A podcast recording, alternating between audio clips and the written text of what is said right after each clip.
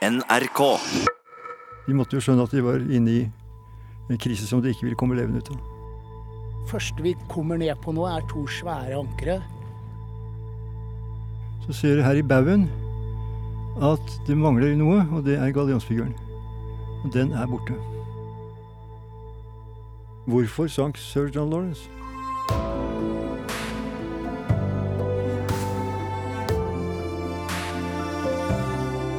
Den 2. oktober 1904 synker seilskipet Sir John Lawrence utenfor Hvaler.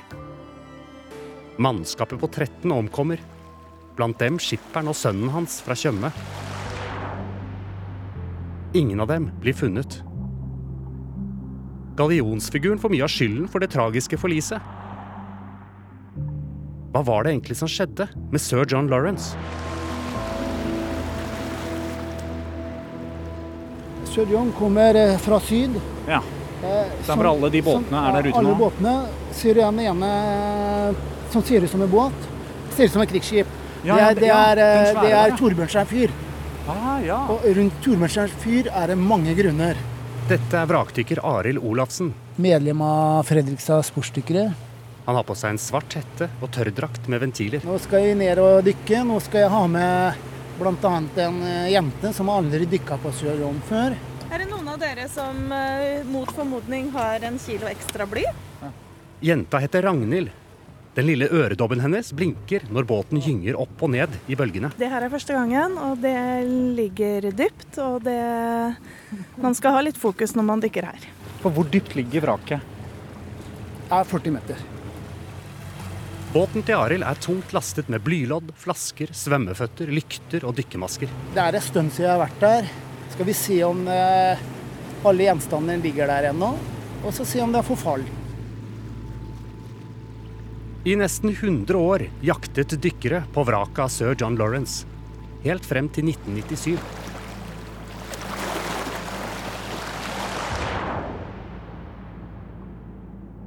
Jeg får jo telefon fra guttene, de er jo helt i hundre. Og da er det jo bare å hive på seg dykkerutstyret og komme seg ut så fort som mulig da. Så det er jo en drøm, da. Det var Arild og dykkergjengen hans som fant seilskipet. Funnet var sensasjonelt. Vraket var ekstremt godt bevart og ble kalt et undervannsmuseum av arkeologene. Så det, Det er Søndre Søster, det er Nordre, og bak den igjen med fyret på, det er Struten. Og helt på tuppen her ja, ser vi jo fyret. Ja. Arild kjører båten ut fra Hvaler, ytterst i Oslofjorden. Rett foran oss ligger hvitmalte Struten fyr, bygget i 1906. Vi skal vi opp dit med det fyret der. Jeg prøver å dra noe ut der? Vraket er lokalisert, men fortsatt er det usikkert hvorfor sir John Lawrence sank. Og hva har en forsvunnen gallionsfigur med forliset å gjøre? Og så er det mange ganger i dette bygget, så det er ganske intrikat. Skal vi i en heis? Skal vi i en heis, så skal vi ned. Vi er på Norsk Maritimt Museum. Ja, hei, det er Dag Nevestad. Dag Nevestad har gråhvitt hår, grått skjegg, briller, og i beltet henger en lommekniv. Rundt halsen dingler et adgangskort. Der står det Maritim arkeolog ved Norsk Maritimt Museum. Kan jeg få en nøkkel til det aller helligste? Og hva er det aller helligste? Det er magasinet. Det er vår kilde. Det er der vi har materialet. Det er der det forskes. En kode på heisen. Ja. For å finne ut hva som skjedde den mørke og kalde oktoberkvelden i 1904, må vi lete i magasinet til Dag Nevestad. Her, ja. Så nå ser vi på ekkeloddet her at det, nå begynner det å gå veldig kraftig nedover. Ja. Ja, nå- Ned mot 40 meter. Ja, nå skal det 45. flate ut litt her. Ja. Samtidig, ute i båten til Arild, ved Struten fyr. Nå har jeg merke i land der inne. Har jeg et hus og enden på en øy. Nå, nå blir det stille her, tenker jeg. du slo av hun nå. Ja, nå, nå skal jeg Dere vil jeg skal slå nå, for nå Ja, kommer koordinaten, koordinatene, ikke sant? Ja, ja. Arild vil holde eksakt vrakposisjon for seg selv av frykt for vrakplyndrere. Sir John Lawrence ligger helt urørt. Det skal hun fortsatt gjøre. Nei, der, der ser du vraket. Ja. Så det er små, små punkter på ekkoloddet her som ligger eh, som en slags sånn sky over bunn. Rett under båten, 40 meter ned i det mørke havet, ligger sir John Lawrence. Sammen med Arild og Ragnhild dykker vi ned. tilbake i historien. Det er en tidskapsel. Den ligger der sånn som den var når han gikk ned i 1904. Så kom vi inn i bakgården her, ja. Tilbake på Norsk Maritimt Museum. Kjeller. Sånn, så skal vi inn i magasinet. Ja, det var så langt. Men så er det en tur. Det er uh, double gates. Vi kommer til å ligge litt i overflata. her alt før vi går ned. Der er, der er bøyen.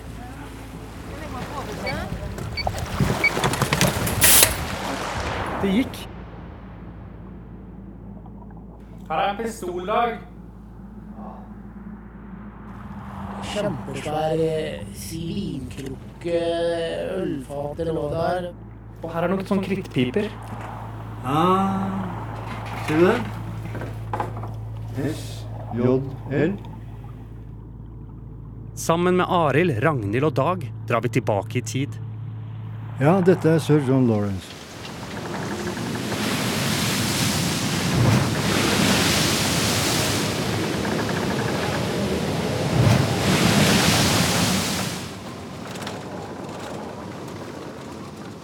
Det er 2. oktober 1904, og det er eh, kraftig storm. Sir John Lawrence kommer fra London og skal til Fredrikstad i ballast. Dvs. Si hun har ikke last om bord, hun har bare stein og jord i bånn av båten for å holde den på rett kjøl. Helt nødvendig hvis du skal seile en så stor skute som dette, ellers så tipper du rundt.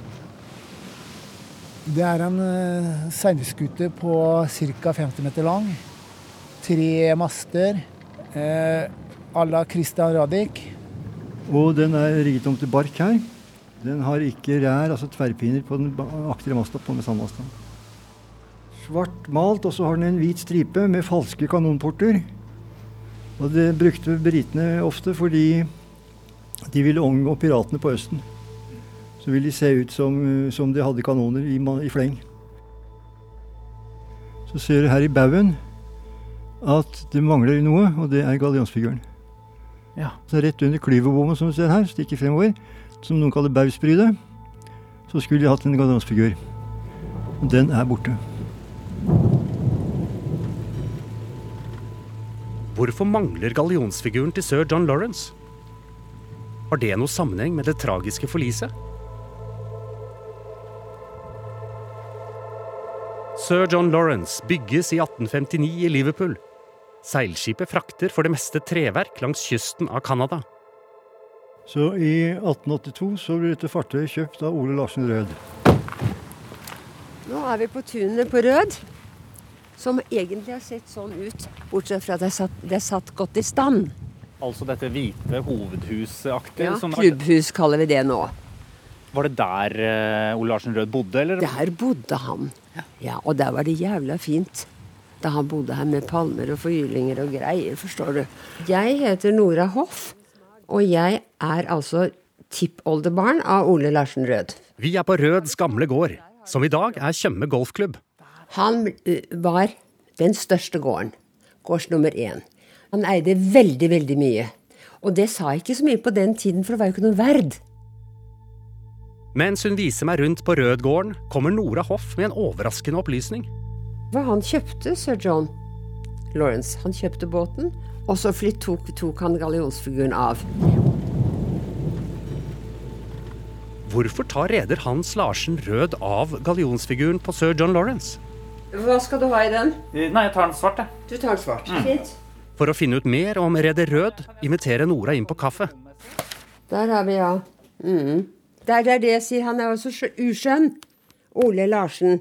Han ser ut som en torsk med litt underbitt, og han ser ikke snill ut engang. Så han ble rik, altså. Av å være reder. Du skjønner det at der oppe på Rød, da han bygget fint hus det var, I gamle dager så var det annerledes, men de laget fasadehus etter italiensk oppskrift, sånn at du kunne gå polonese gjennom. Da var de, veldig fine. De er liksom persiske tepper og plysj og forgyllinger og palmer og fint som faen, skjønner du. Status. ja, de tedde seg i de dager også. Og han var da en av disse her typene som slo seg opp ved å kjøpe utrangerte fartøyer fra utlandet. Dette er Dag Nevestad. maritim arkeolog. Så disse spekulantene de tok da disse svære skuttene som var på vei ut fordi dampen kom for fullt. Og det hadde jo de engelske og, tyske rederne innsett. Men det var fremdeles frakter å få på de lange rutene, hvor de ikke hastet.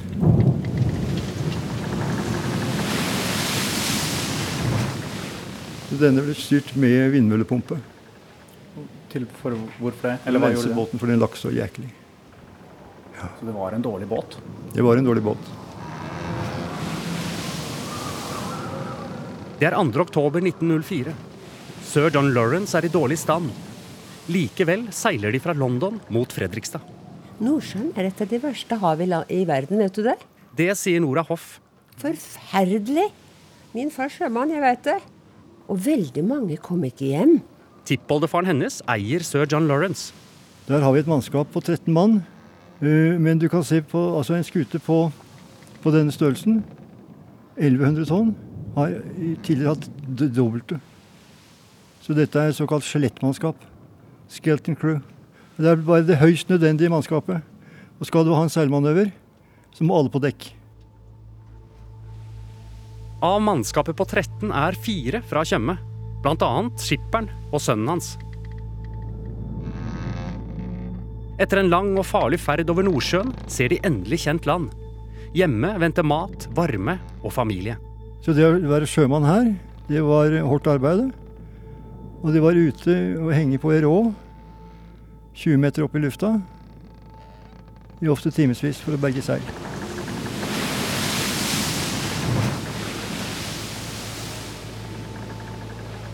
Så har du altså dette her lille dekkshuset som de bor i.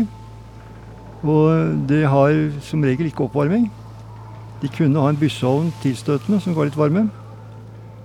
Eh, mens eh, i eh, dårlig vær så kunne det stå 20 cm vann på dørken inne i, i bopelen din. Og Derfor skipskistene har dobbelte lister under, så de er løfta litt opp fra, fra, dekk. Så du kan tenke deg situasjonen da hvor du hadde våte køyeklær. Du kom inn våt. Og var du heldig, så tørka klærne på kroppen etter utover natta, så du kunne gå ut og bli våt igjen neste dag.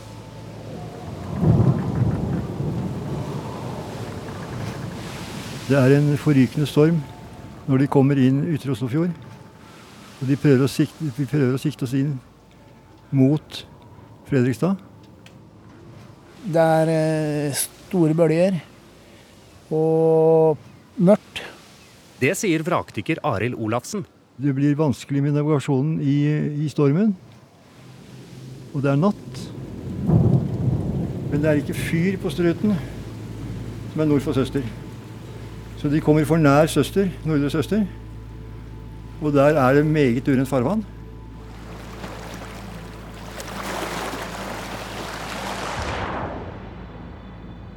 Du må skjønne at de eh, nærmer seg land.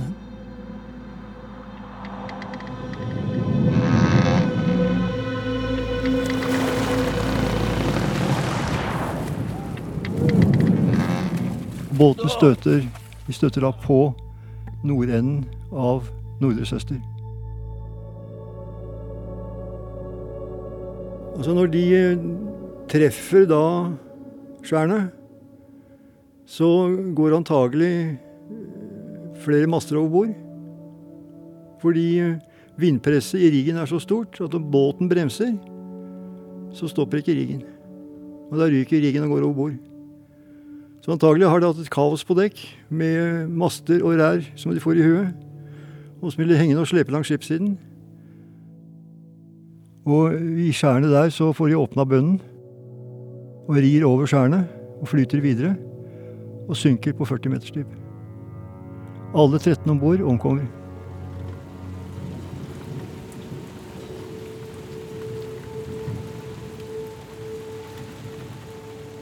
Og finner de på noen på noe skjær, eller finner de noe? Nei, de finner ingen. Ingen overlevende. Det eneste de eh, merka, var jo den eh, vrakgodset som drev i land. Men de finner ikke båten. Hvorfor ikke? Nei, Den ligger altså på 40 meter. Det er ikke mastetopper eller noen ting som stikker opp. Og der lå den da, helt til Arild Olafsen fant den. Fornøyd, Arild? Ja, kjempefornøyd. Veldig bra. Er du fornøyd? Helt ellevill! Ja, bra. Arild og Ragnhild er ferdig med dykket og har nettopp kommet opp til overflaten. Hva var det første du så når du kom ned, Arild? Jeg så at det, det var mye fisk og sei svømmende nedover vraket. Hvordan var det, Ragnhild? Ja, det her var helt ellevilt bra. Også så stor som eh, han var. Ja. Jeg, vis, jeg visste jo egentlig hvor stor båten var i forhold til bilder.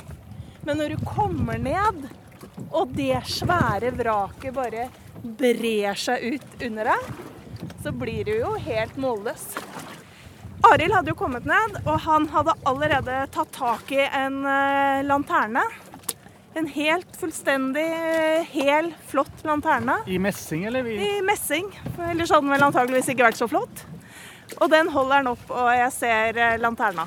Å se en hel flott gjenstand bare tas opp midt eh, blant alle vrakdelene, var helt ubeskrivelig, egentlig. Det var en svær skipslanterne som vi alltid har hatt der. Den lå der ennå, så tydelig at det ikke noen som har vært og fjerna noe. i hvert fall. Ah, ser du den? Oi, den er stor. Kasse. Vi er på Norsk Maritimt Museum. Arkeolog Dag Nevestad står bøyd inn mot en hylle full av brune pappesker. Dette er altså eh, ting som er tatt opp fra vraket av sir John Lawrence. Ja, her har du det. Nydelig nattpotte. Dag viser frem en skinnende hvit porselensnattpotte. Se her, dette er såkalt trykkfajanse. Det- Dekoren ble trykket på silkepapir. Og dette er i sånn blå farge. Ja. Utrolig at det har holdt seg så godt, da. ja. En tissepotte, det var det. En tissepotte, et nattmøbel. Her. Det er et eh, trykkfajansefat. Ca. 30 ganger 40 cm. Og det er med flott blå blå lekor med et romantisk eh, landskap i midten. Fantastisk. Dette er et, et fat. Ja. Serveringsfat. Helt intakt. Ikke en eneste sprekk. Det glinser jo. Det kunne vært laget i går. Hvordan kunne dette forliset skje? Ja, det kan være strøm. Det sier vrakdykker Arild Olafsen. Det går strøm her ute som, som har gjort at de har kommet mer østover enn de ville. ja, dette skjedde jo fordi du på seilskuter ikke har de navigasjonsmulighetene. Du har f.eks. ikke muligheten til å slå bakk eller plutselig kursendringer. Du kan hive båten rundt på roret, men du må hjelpe til med seil og snu der osv.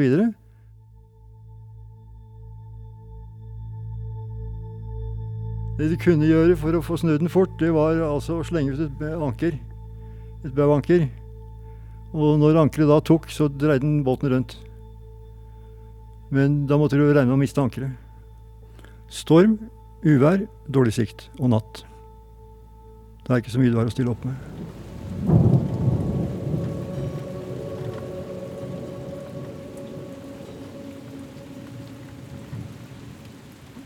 Forliset til sir John Lawrence var en av årsakene til det da ble bygget fyr på Struten, som ligger litt nordvest for Nordre Øster. Og så nevner Dag Nevestad noe interessant. Det var jo en ting som manglet om bord, da. Som det ble spekulert i i samtiden. Gallionsfiguren var nemlig tatt ned og satt på land. Og det var ikke heldig, mente man. Skipet skulle være ett Og hva er vits med en gallionsfigur? Nei, det var uh, pynten om bord, og det var også ofte uh, mye symbolikk knyttet til det.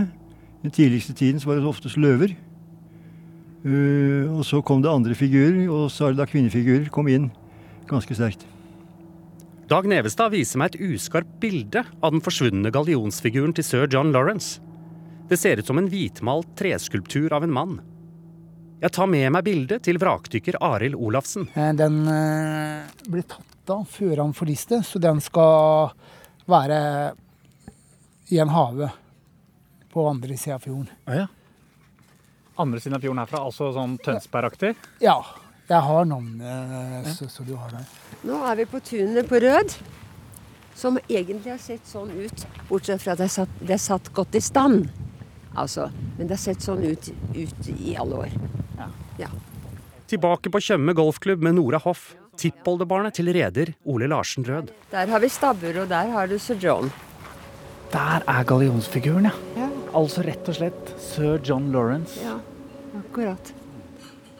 Det er jo også da en eh, mann som, som Den er hvit, Den er hvit, i ja. tre. Syns ikke du at han ser ut som en pompous ass? Hva? Altså ikke så mer sittisk dekret her og Ja, hva er det han holder i hånden? Jeg vet ikke om det er, om det er hans, han, hans eh, dekret for å være visekonge av India. Det var jo veldig flott, da. Ja, for han, har jo, han ser jo flott ut. Altså, han har jo en eh, dress, en sånn dobbeltspent eh, Ja. jakke. Og den barten, ja, den er langt ned eh, Veldig haken. pompøs. Jeg syns jo ikke han er veldig sympatisk, syns du? Er du sjarmert?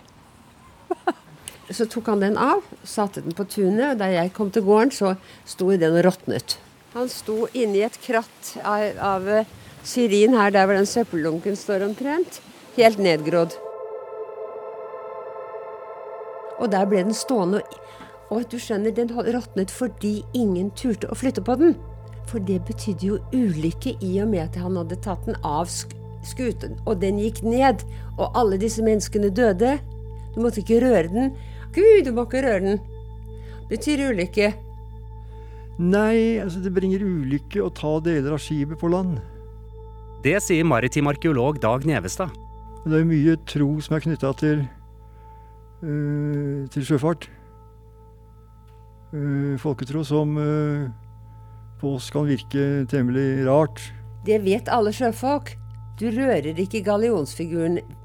Du har heller ikke katter om bord. Det er enkelte sånne ting. Det vet alle sjøfolk. Hva er som er så farlig med det? Overtro, det er ganske enkelt overtro. Sjøfolk er jo overtroiske, og folk var jo dager overtroiske for alt mulig.